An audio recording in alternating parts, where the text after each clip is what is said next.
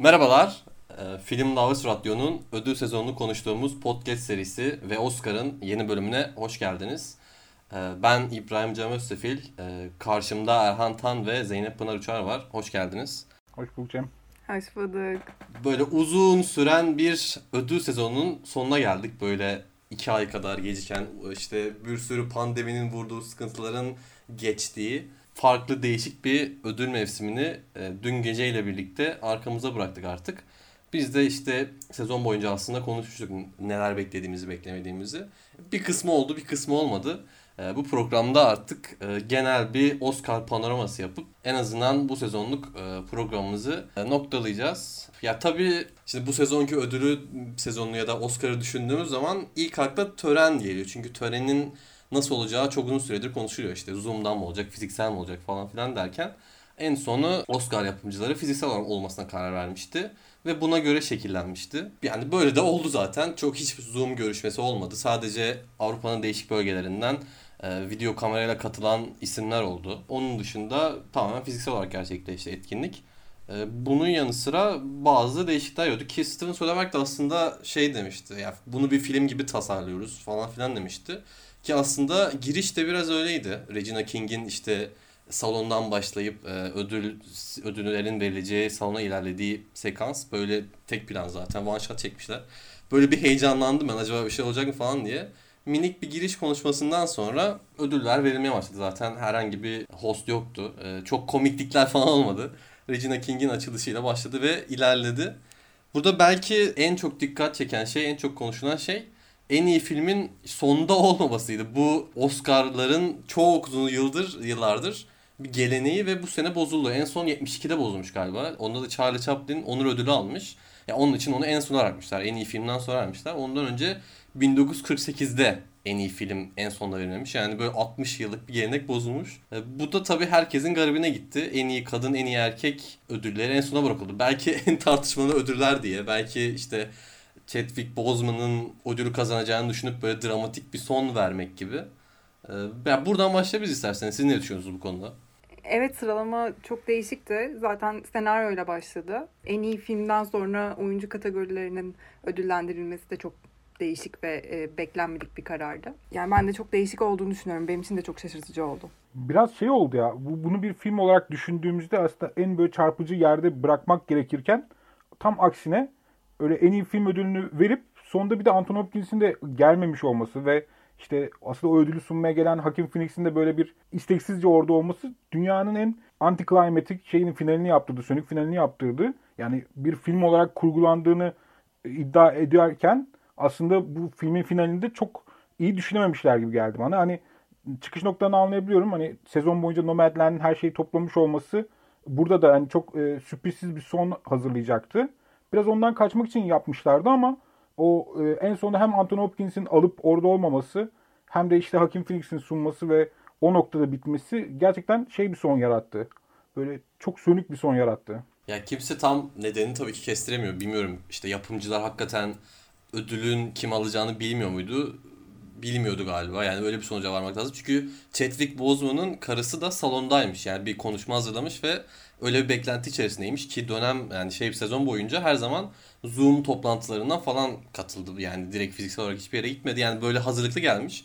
Muhtemelen yapımcılar da öyle bir şeyi öngörüp yaptılar. Yani dediğim gibi belki Anthony Hopkins de bir konuşma yapsa orada işte Chadwick Boseman hakkında böyle 30 saniye 20 saniye bir şeyler söylese yine de o epik sonu bir şekilde elde ederlerdi ama yani bir tane profil fotoğrafıyla ödül sezonu bitirmiş olduk. Çok garipti yani. Çok ilginç oldu. Ya onun dışında da yani çok fazla da aslında değişiklik yoktu. Ben böyle biraz farklılıklar bekliyordum. Bu eğlence kısmının hani hem şarkıları önceye atmaları hem o söylediğin komikliklerin olmaması falan biraz şeye çok alan açtı. Teşekkür konuşmalarında müziğin girdiği çok az konuşma var ki genelde de uzun tuttular.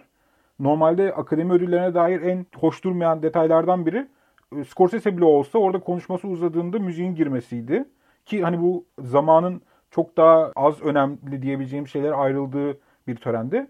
Yani bu reytinglere nasıl yansıyacak bir yandan merak ediyorum ama öteki taraftan da izlemesi çok keyifli olmamakla birlikte hani sinemanın onurlandırıldığı bir gecede teşekkür konuşmalarının yarıda kesilmiyor olması daha hoş göründü. Kesinlikle ben de yani her zaman bu teşekkür konuşmaları çok uzun şey yapılıyor işte binlerce isme teşekkür etti falan filan diye. Yani izleyici açısından anlayabiliyorum bunu. Evet rahatsız ediyor ama ya orada insan milyonlarca seyircinin karşısına çıkıp bir kendini yani bir şekilde e, iyi hissediyor ve o konuşmayı 2 dakika, 2,5 dakika onun için 1 saniye gibi geçiyor muhtemelen. Yani onun için ben ondan hiçbir zaman rahatsız olmuyorum. Bu sene de aslında Soderbergh bir yönetmen olarak belki bu konuşmanın yarıda kesilmesi olayı onu rahatsız ettiğinden yani her zaman katılımcılara ya share your story demiş. Yani istediğinizi anlatın, kendinizden dipnotlar verin. Bu konuda çok rahat hissedin demişler ki Emerald Fennell da ilk ödül aldığında is it good Steven falan dedi. Yani Steven'ı mutlu etmeye çalıştı.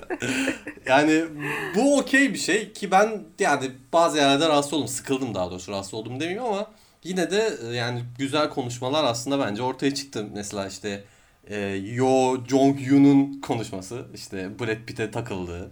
Ya o kadın benim idolümdür bu arada yani dün geceden sonra gerçekten zaten sezon boyunca e, çok hoşuma giden bir isimdi. E, dün geceden sonra daha da böyle arttı yani. Brad Pitt'le olan ilişkisi yaptığı açıklamalar arka tarafta da yani basına verdiği röportajda da yaptığı açıklamalar insanların arasında herhangi bir din, dil, ırk ya da işte e, cinsel yönelim üzerinden bir ayrım olmamasına inandığı ve gökkuşağına benzetmesi bunu falan bunlar yine beni e, çok yükselten konuşmalar oldu. E, Pınar'ın backstage'de olması şey böyle bir backstage'e dair de e, dedikoduları duymamıza vesile oluyor. Başka paylaşabileceğim bir şey varsa da Pınar bekleriz yani. Ya arka plan çok değişikti. Hani e, 300 küsür kişi böyle bekledik onların gelmelerini falan bir Zoom bağlantısı yaptılar. E, ama mesela törene göre aynı hızla gitmedi. Çok yavaştı. E, belki hani tören ne kadar hızlı ve e, organize gittiyse arka tarafta bence o kadar zorlu gitti aslında. Ya birisi de kadına Brad Pitt nasıl kokuyor diye sormuş galiba. Daha sonra gördüm. Ya evet bunu niye Evet, sorarsın? neden? Şok olduk zaten hani. Neden yani? O da köpek değilim ben koklamadım demiş galiba. Evet evet onu koklamadım dedi yani. Ama yani kadının konuşması da baştan aşağı e, çok iyiydi. Bence, Bence zaten de. verdiği bütün konuşmalar e, çok iyiydi. Ama hani o odada yaptığı konuşmada gerek işte bu gökkuşağı benzetmesi ve insanlar arasında ayrıma inanmadığını belirtmesi olsun. Gerek Brad Pitt'le olan ilişkisi. Oklahoma'da çekimdeyken neredeydin Brad falan dedi yani. Ya Brad Pitt de tatlı bir kadın. filmin yani yürütücü yapımcılarındanmış. Ben Plan B'nin Minari'ye içinde olduğunu bilmiyordum. Bu- Onu da öğrenmiş olmam o da çok keyifli bir detaydı. Onun dışında kendi işte kategorisinde yarışan adaylara teşekkür etti. Hatta biz ben sizden sadece biraz daha şanslıyım. Hepinizin çok iyi performanslar gösterdiğini biliyorum işte şeye takıldı. Ya şey de çok tatlı değil mi? Yani BAFTA'da mesela e, İngilizler snob olmalarına rağmen beni beğenmeleri benim için çok etkileyici demişti. Burada da e, belki akademi e, Koreli bir oyuncuyu ağırlamak istiyordur. Belki o yüzden vermiştir.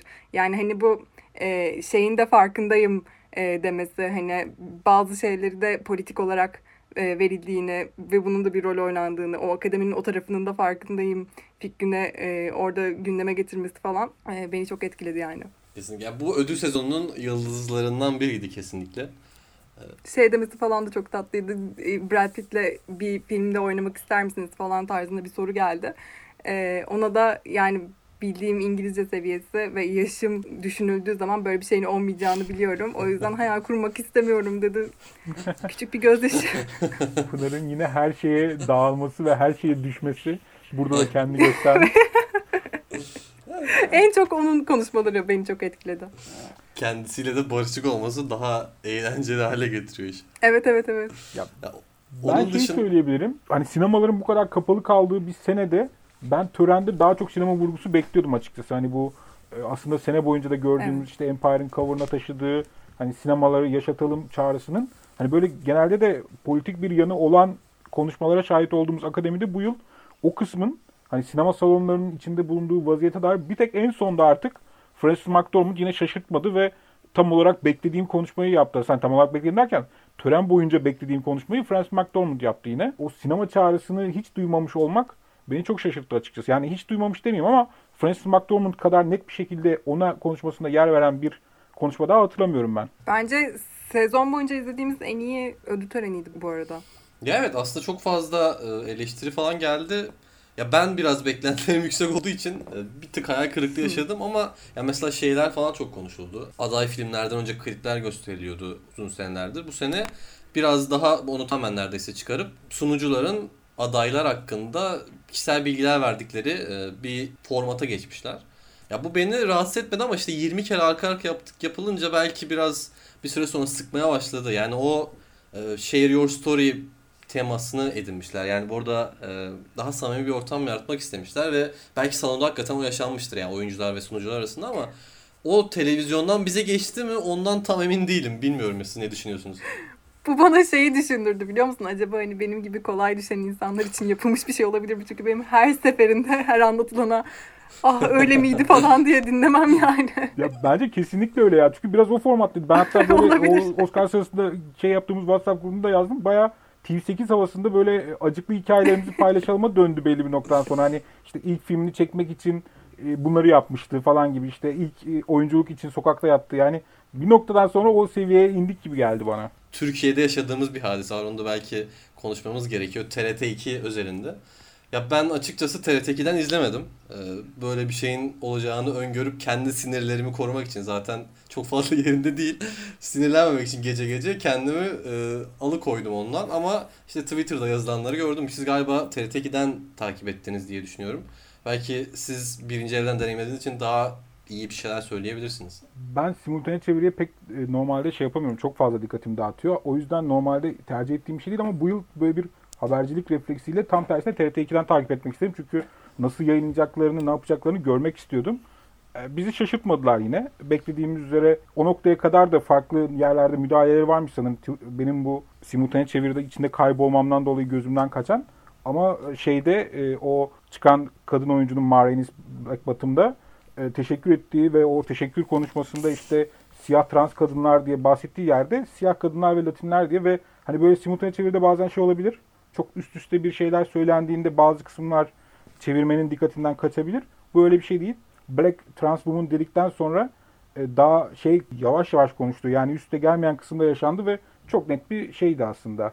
Orada artık e, bir direktifle mi yapıldı yoksa inisiyatifle mi yapıldı bilmemekle beraber e, trans ifadesinin alınmadığı bir e, simultane çeviriyle karşı karşıya kaldık. Yani ben de TRT 2'yi izlemedim ama öyle bir şey e, yaşanmış evet. Yani e, zaten e, Oscar tarihinde ilk siyah saç makyaj ekibiymiş e, o ödülü kazananlarda. Konuşmalarında da böyle bir şey bizim ülkemizde yaşanmış. Galiba şey internet yayınını da almadıkları için e, yani sadece televizyondan izlenmiş. İnternet yayını bir yerde tıkanmış galiba. Onları da okudum. Bir de şey ya Winterberg'in filmi üzerinde böyle alkol, içki falan kelimelerini den kaçınmışlar galiba. Yani onlardan da işte bir öğretmenin hayattan sıkılan bir öğretmenin deney yapma hikayesi gibi bir şey. Yani direkt içki, alkol hiçbir şekilde geçmiyor. E, onları da ben dediğim gibi sosyal medyadan gördüm. Ne kadar doğru, efektif bilmiyorum ama yani TRT 2'nin böyle bir şey yapacağı biraz Ya işte belliydi zaten ama tahmin edebiliyorduk. Aha. Böyle bir direktif dahilinde hani üstten gelen bir direktif dahilinde, TRT yönetiminden gelen bir direktif dahilinde belli kelimelerin, belli ifadelerin ve belli şeylerin, sahnelerin belki sansürlenebileceği dair ve hani maalesef TRT bizi yine yanıltmadı. Her zaman gibi o sansür mekanizmasına birinci elden yine şahit olduk. Muhtemelen de bunu yaşayan nadir ülkelerden biriyiz. maalesef yani şeyde de Amerika'da da gerçi şey e, Andre Day bu saçma bir şey oldu ya hangi şarkı Oscar aday, ol, Ama aday bir olmuştur şey olmamıştır küfürlü bir ifade kullandığı Evet. için Evet. şey oldu sanırım. ABC'de de öyle bir minik şey oldu onlar çünkü on, her şeye karşı 10-15 saniye yayını geç veriyorlar ulusal yayında. Ee, Onlarda her zaman olan bir şey ama Türkiye'de artık daha farklı yollara, daha farklı şekillerde, sistematik şekilde ilerleyen bir sansür var maalesef. Neyse bu başka programların, başka konuların konuşması olacak. Ee, o zaman yavaş yavaş yere geçebiliriz işte ödülleri, sürprizleri, ne oldu ne bitti. Yani gecenin aslında şey olarak kazananı, stüdyo olarak kazananı biraz Netflix gibi oldu. Totalde 7 ödül kazanarak. Onun dışında e, Searchlight işte Nomadland'in yapımcısı 3 ödül kazandı. Amazon 2 Warner Bros da 3 ödül kazandı. Bilmiyorum Netflix aslında sezon boyunca biraz biraz bahsetmiştik ama gerçi 36 tane adaylıkları vardı galiba. Oradan 7'ye düşmeleri bilmiyorum belki Bu yedisini başarı olarak yansıtmak evet Ya ben yansıtmam açıkçası. Çünkü major kategorilerin hiçbirinde yok. Aldıkları en büyük şey e, belgesel, kısa filmlerden ve teknik kategorilerden aldılar ve yani bütün yıl sinemanın kapalı kaldığı, tamamen dijital platformların böyle dominasyonunda geçen bir yılın sonunda en iyi filmi yine alamamış olmaları bir yana böyle major kategorilerde de bir şey alamamış olmaları Netflix'in bunu başarı olarak yansıtacağına şüphem yok. Ama ben asla katılmıyorum bu görüşe. zaten 7 ödülün neredeyse tamamı da teknik kategorilerde işte saç, makyaj falan işte bankın aldığı ödüller ve kısa belgesel, kısa filmler falan. ana kategorilerde hiçbir şey kazanamadı ama My Octopus Teacher'la işte en majör ödüllerini My Octopus Teacher'la Aha. aldılar. Yani Netflix'in rekoruymuş. Daha önce yediği yani hiç geçememişler. Ama zaten en iyi film kategorisinde Mank vardı. The Trial of the Chicago Seven vardı Netflix yapımı. Yani Mank'in almayacağı zaten belliydi herhalde diye düşünüyorum. Çünkü genel tavırdan dolayı filme karşı takınılan. The Trial of the Chicago Seven da öyle bir kalibrede değildi. Yani dolayısıyla bu bana biraz normal geliyor Netflix'in ödüle layık Ya görülmemiş aslında olması. şey ödül sezonunun belli bir noktasında Trial of the Chicago Seven Nomadland'in en büyük rakibi konumundaydı. Ama yani The Father'ın özellikle son zamanda yarattığı ivme, Nomadland zaten e, yani Nomadland'e en yakın olan film bile çok yakın değildi bence. Ben ama yani onda çok emindik. Onu konuşuyorduk zaten sezon boyunca ama Nomadland arka arkaya işte ödüller kaybedince çok beklenen. Ben acaba dedim ne oluyor ya? Çünkü Father'da senaryo aldıktan sonra arkasında acaba bir rüzgar var mı diye düşündüm. Ki bence Nomadland akademi üyeleri arasında beklediğimiz kadar büyük bir etki yaratmamış. Bana öyle geliyor. Mesela başrolde Francis McDormand yerine başka birisi olsa belki de Nomadland bilmiyorum buralara gelemezdi. Ya Father'ın da beklediğimizden çok daha e, iyi reaksiyon aldığını düşünüyorum. İkinci sırada muhtemelen The Father vardı. Bana öyle geliyor yani. Hatta yani Chicago 7'ın önüne geçmiş gibi. Çünkü e, hem senaryoyu hem şeyi almış olması. Yani mesela en iyi erkeği sonda vermeseler, en iyi filmden önce verseler ben acaba The Father alır mıydı diye düşünürdüm. Çünkü yani hem senaryo hem majör kategoride bir oyunculuk dalını kazanmış olması en iyi filme giden bir yol olabilirdi ama Nomadland'i sonuçta almış oldu ama dediğim gibi ben biraz şaşırdım Nomadland e, sadece 3 3 ödül alabildi. E, hazır böyle demişken de bir bahsedebiliriz aslında sürprizlerden. Çünkü sürprizlerden biri e, Nomadland'in sinematografide Manka kaybetmiş olması. Yani inanılmaz favori değildi ama epeyce önde götürüyordu. Gerçi son e, Görüntü Yönetmenleri Birliği Manka vermişti bu ödülü ama yine de e, ben Nomadland'e gideceğini düşünüyordum açıkçası. Ve sinematografisi de gayet iyi bir film. E, orada Manka gitti. Siz bilmiyorum sürpriz olarak görüyor musunuz bunu? Yani ben de Nomadland'e gideceğini düşünüyordum. Ama Mank'in de e, siyah beyaz çekilen bir film ve e, kullanılan teknik- tekniklerle orijinal yani omaj yapılan Citizen Kane'e e, yakın tutularak çekilen bir film. Dolayısıyla sinematografi anlamında aslında çok yenilikçi e, ve zorlayıcı yöntemleri var. Yani işte bazı sahnelerde akşam kullanılmak üzere sabah sahnelerini çekmişler. E, o eski Hollywood tekniklerini yaşatmışlar falan. E, dolayısıyla yani ben bu kategoride zaten ikisinin öne çıktığını düşünüyordum ama hani Menk'e genel olarak takılınan göz ardı etme yönündeki tavrın burada da işleyeceğini düşünmüştüm. E, benim için iyi bir sürpriz oldu. Yani yapım tasarımını zaten bekliyordum Menk için. E, ama burada da ödülü alması yani Nomadland'i bekliyordum ama eğer Nomadland olmayacaksam Menk olmalıydı. E, öyle de oldu. Sevindirici oldu. Yani evet banka onda sıfır olabilir mi derken yani onda ikide bir başarı değildir ama onda sıfırda niye sonuçta?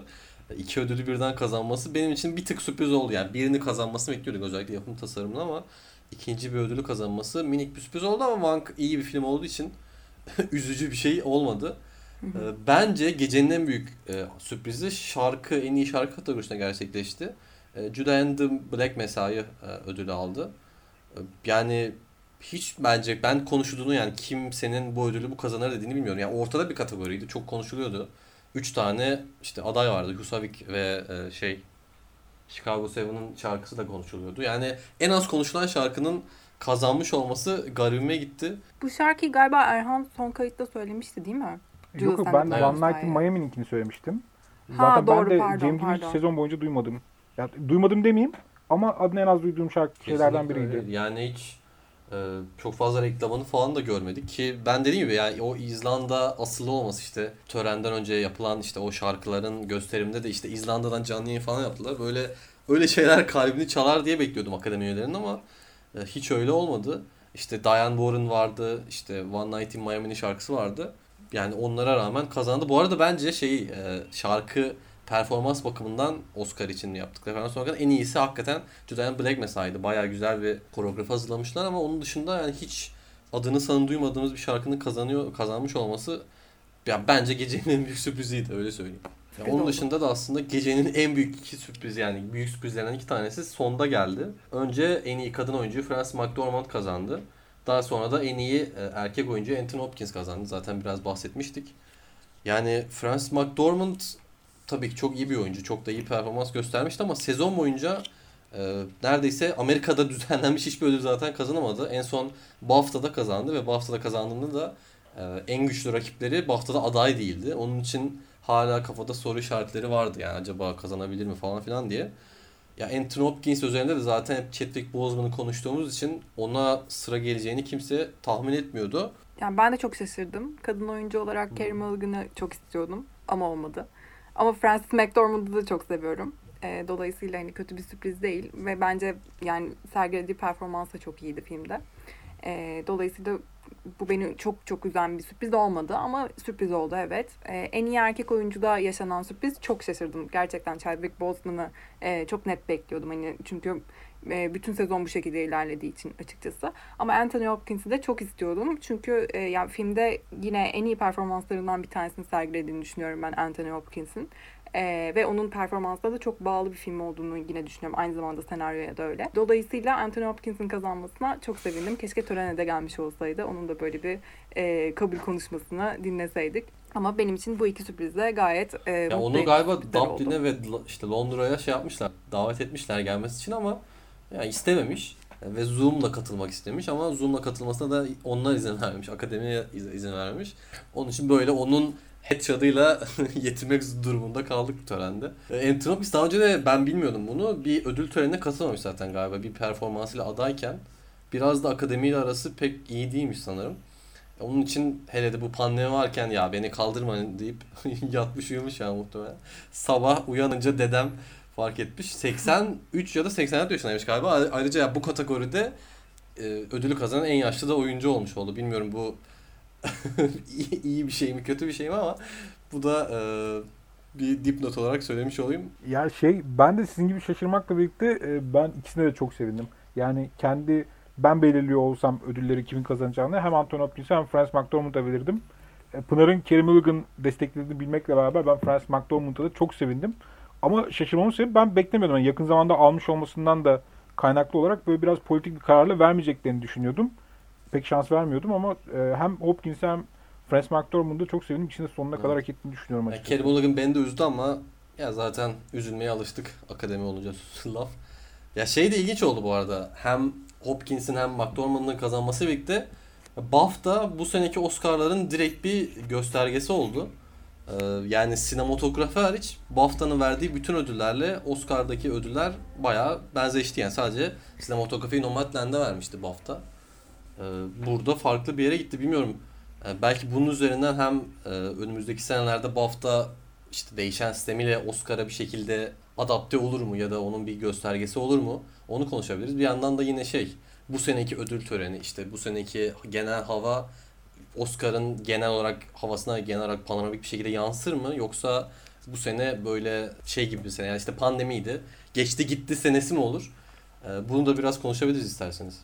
Yani BAFTA'nın bu kadar belirleyici olması önceki yıllarda belki bu kadar şaşırtıcı olmazdı ama bu yıl e, evet şaşırtıcı oldu. Çünkü hep konuşmalarımızda da bunu söylüyorduk aslında hani e, iyi kararlar ya da desteklediğimiz kararlar veriliyor ama büyük ihtimalle bunlar e, Oscar'a yansımaz diye konuşuyorduk. Ve hani özellikle senaryo ve oyuncu kategorilerinde gerçekten belirleyici oldu aslında. Bu bir sürpriz oldu benim için. İlerleyen yıllarda yine böyle olmaya devam eder mi? Açıkçası bilmiyorum yani. E, pandeminin de tabii ki bazı şeylere etkisi çok büyük. Ee, bazı şeylere değil büyük bir çoğunluğa çok büyük. Çünkü genel anlamda hayatlarımızı çok etkileyen bir olay oldu. Oyuncular Birliği ile aslında bu yıl hem en iyi erkek oyuncu hem e, en iyi kadın oyuncu da ayrışmış oldu. O biraz şey gibi aslında pandeminin ötesinde bir etkinin göstergesi olabilir. Oyuncular birlikleri Amerika'da çoğunlukla Amerikan isimlerden oluşurken akademinin genel e, oy kitlesi o 9000 küsürlük akademi üye topluluğu biraz daha gitgide uluslararası bir hal almaya başlıyor. Bunu hani sezon başından beri söylüyoruz.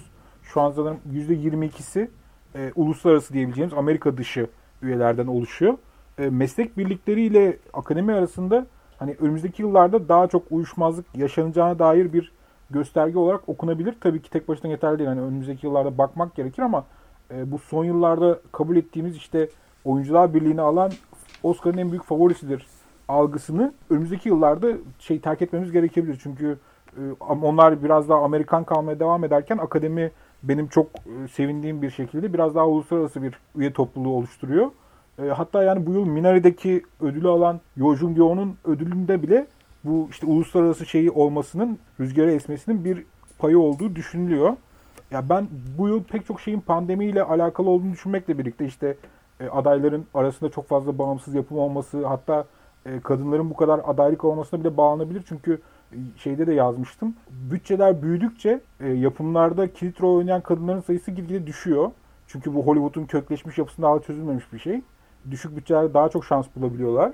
Maalesef çünkü yani büyüklerde şans verilmiyor. Onun mesela pandemiyle bağı olabilir ama bazı şeylerinde bu işte uluslararasılaşmaya bağlanabileceğini düşünüyorum ben. Ya kesinlikle akademinin bu yönde bir çabası, bir gayreti var. Yani zaten Parazit de bunun direkt bir göstergesiydi. Bu sene belki işte Minari ile ya da ne bileyim Winterberg'in adaylığıyla da bu trend bir şekilde devam etti ve mesela bu sene daha da fazla yine uluslararası alanlardan muhtemelen yapımcılar, yönetmenler alacaklar ve şeyleri daha da genişleyecek bakımdan.